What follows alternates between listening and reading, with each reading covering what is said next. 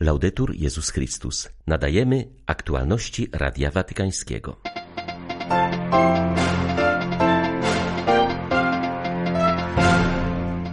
Rozwój techniki nie może prowadzić do wypaczenia istoty człowieka, przypomniał Franciszek na audiencji dla Papieskiej Akademii Życia. Rosyjskie kłamstwa zabijają nie mniej niż rosyjskie pociski, podkreśla arcybiskup Szewczuk po ostatnich atakach propagandy Putina. We Francji zmienia się nastawienie do kapłanów. W nowym pokoleniu nie ma już ideologicznej wrogości, jest zaciekawienie, to wielka szansa, uważa kardynał François Xavier Bustilio.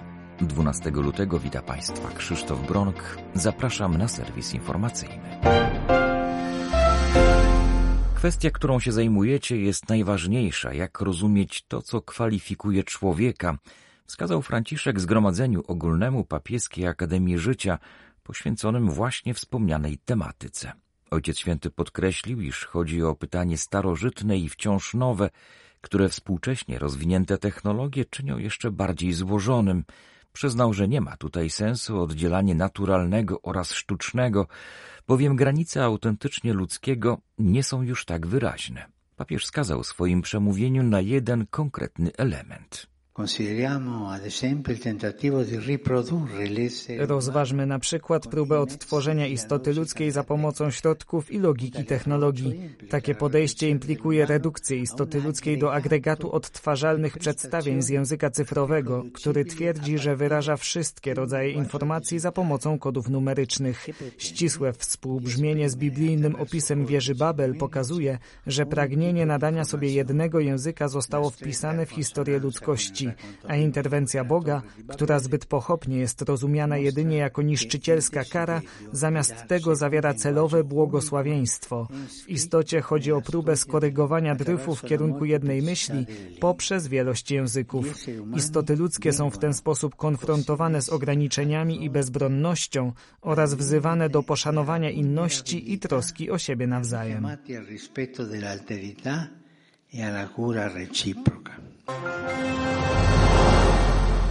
W Watykanie gościł dziś nowy prezydent Argentyny, Javier Milei.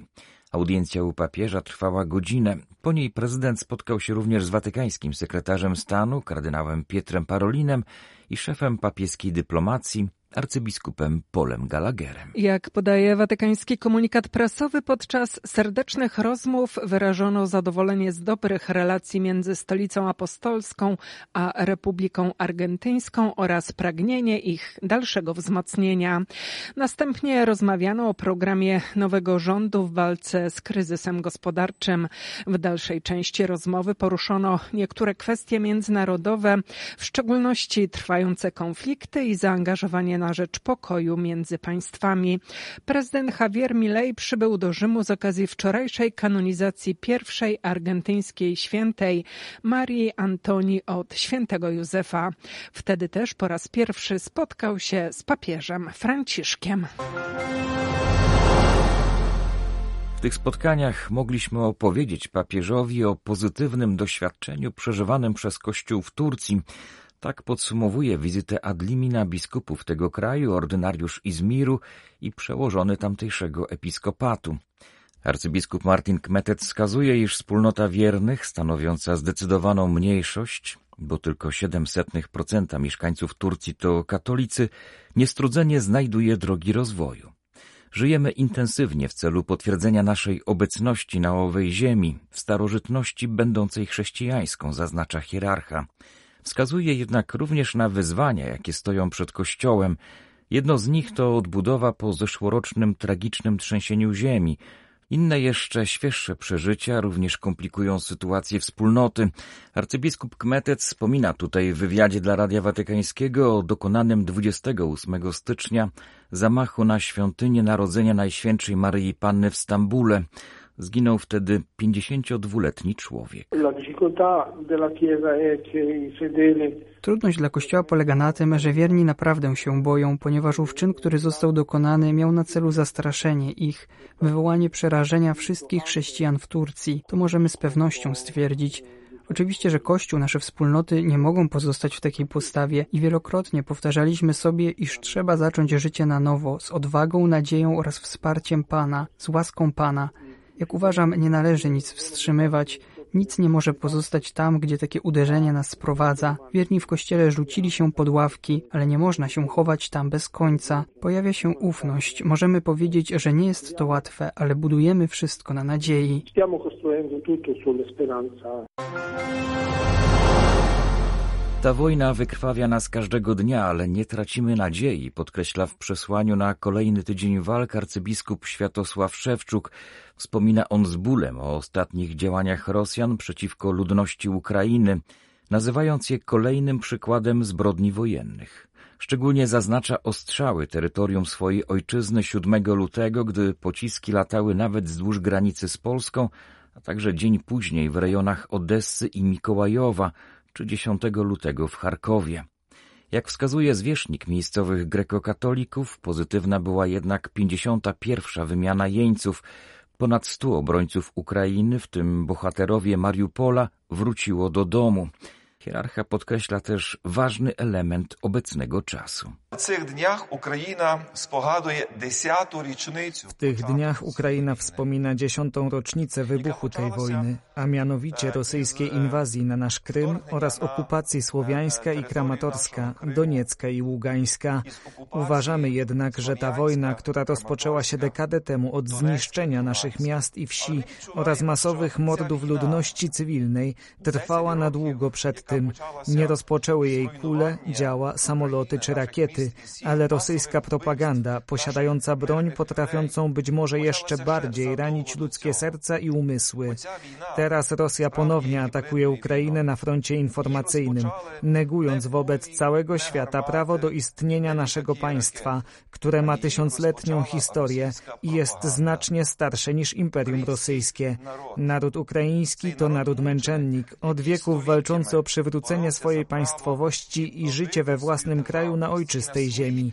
Dlatego dziś tak ważne jest, aby cały świat poznał prawdę, ponieważ kłamstwa zabijają nie mniej niż rosyjskie rakiety, bomby i pociski. Bo brechnia wbywaje nie męczy aniż rosyjskie rakiety, bomby i kuli. Wobec takiej sytuacji arcybiskup Szewczuk wskazuje na ważną rolę pracy dziennikarzy, Zwłaszcza iż obecnie temat napadniętej Ukrainy powoli znika już z mediów. Wyraża więc wdzięczność wszystkim, którzy dalej rozpowszechniają prawdę o tragedii jego narodu, a dziennikarzy z samej Ukrainy określa mianem obrońców wolności słowa. A my znajmy, że swoboda sowieści jak wiadomo, wolność sumienia, wolność słowa to podstawowe cechy wolnego, demokratycznego państwa.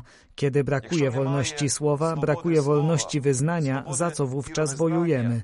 Dziś słowa sławnego Churchilla odbijają się echem w sercach Ukraińców, jeśli chodzi o wartość kultury, najwyższe wartości, za które najlepsi synowie i córki Ukrainy są gotowi obecnie oddać życie. Dziękuję naszym dziennikarzom za wieloletnią współpracę z naszym Kościołem Kościołem.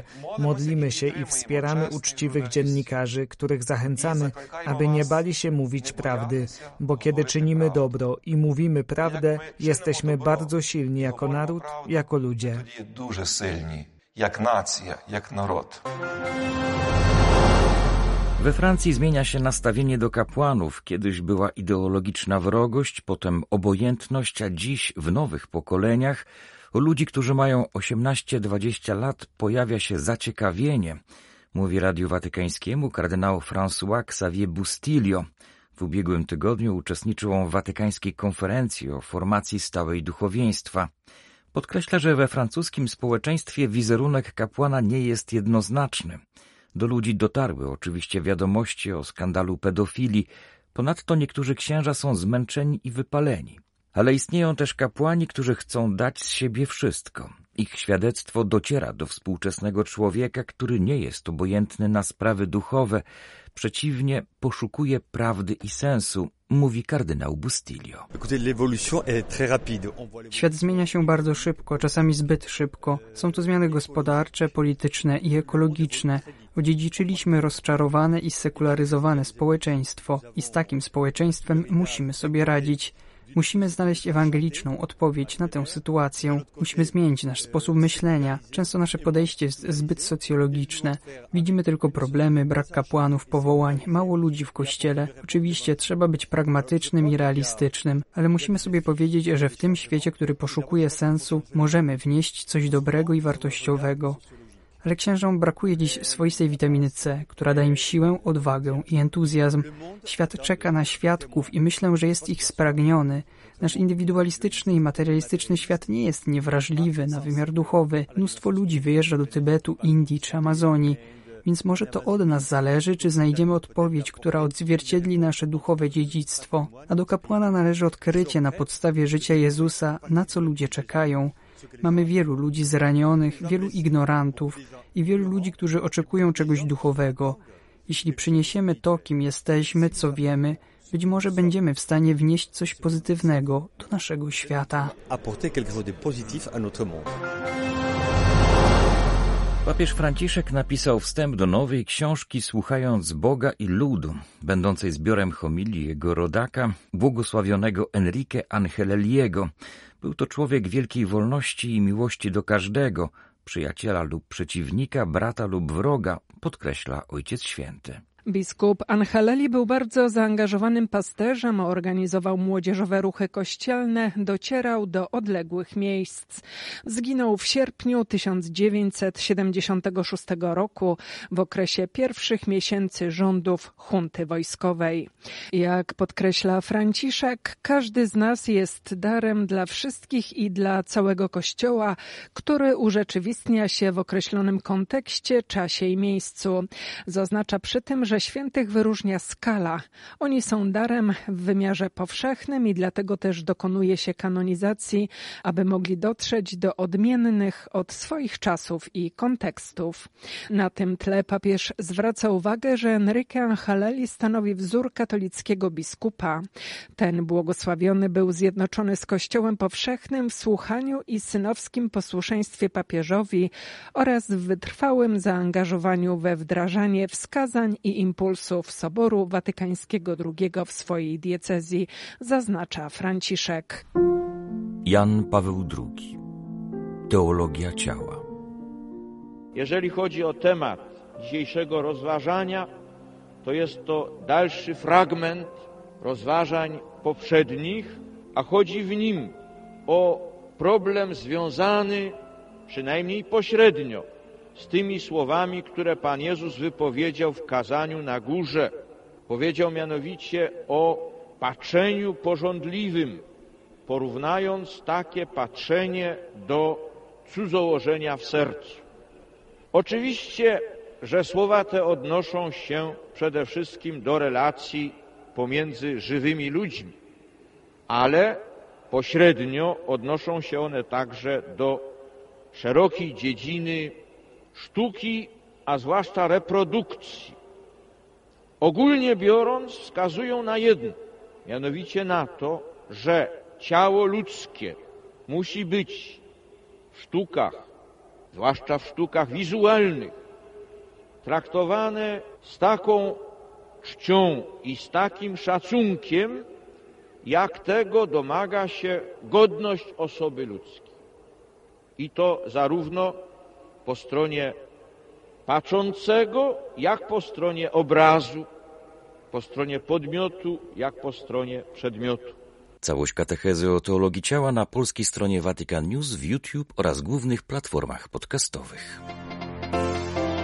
Były to aktualności Radia Watykańskiego. Laudetur Jezus Chrystus.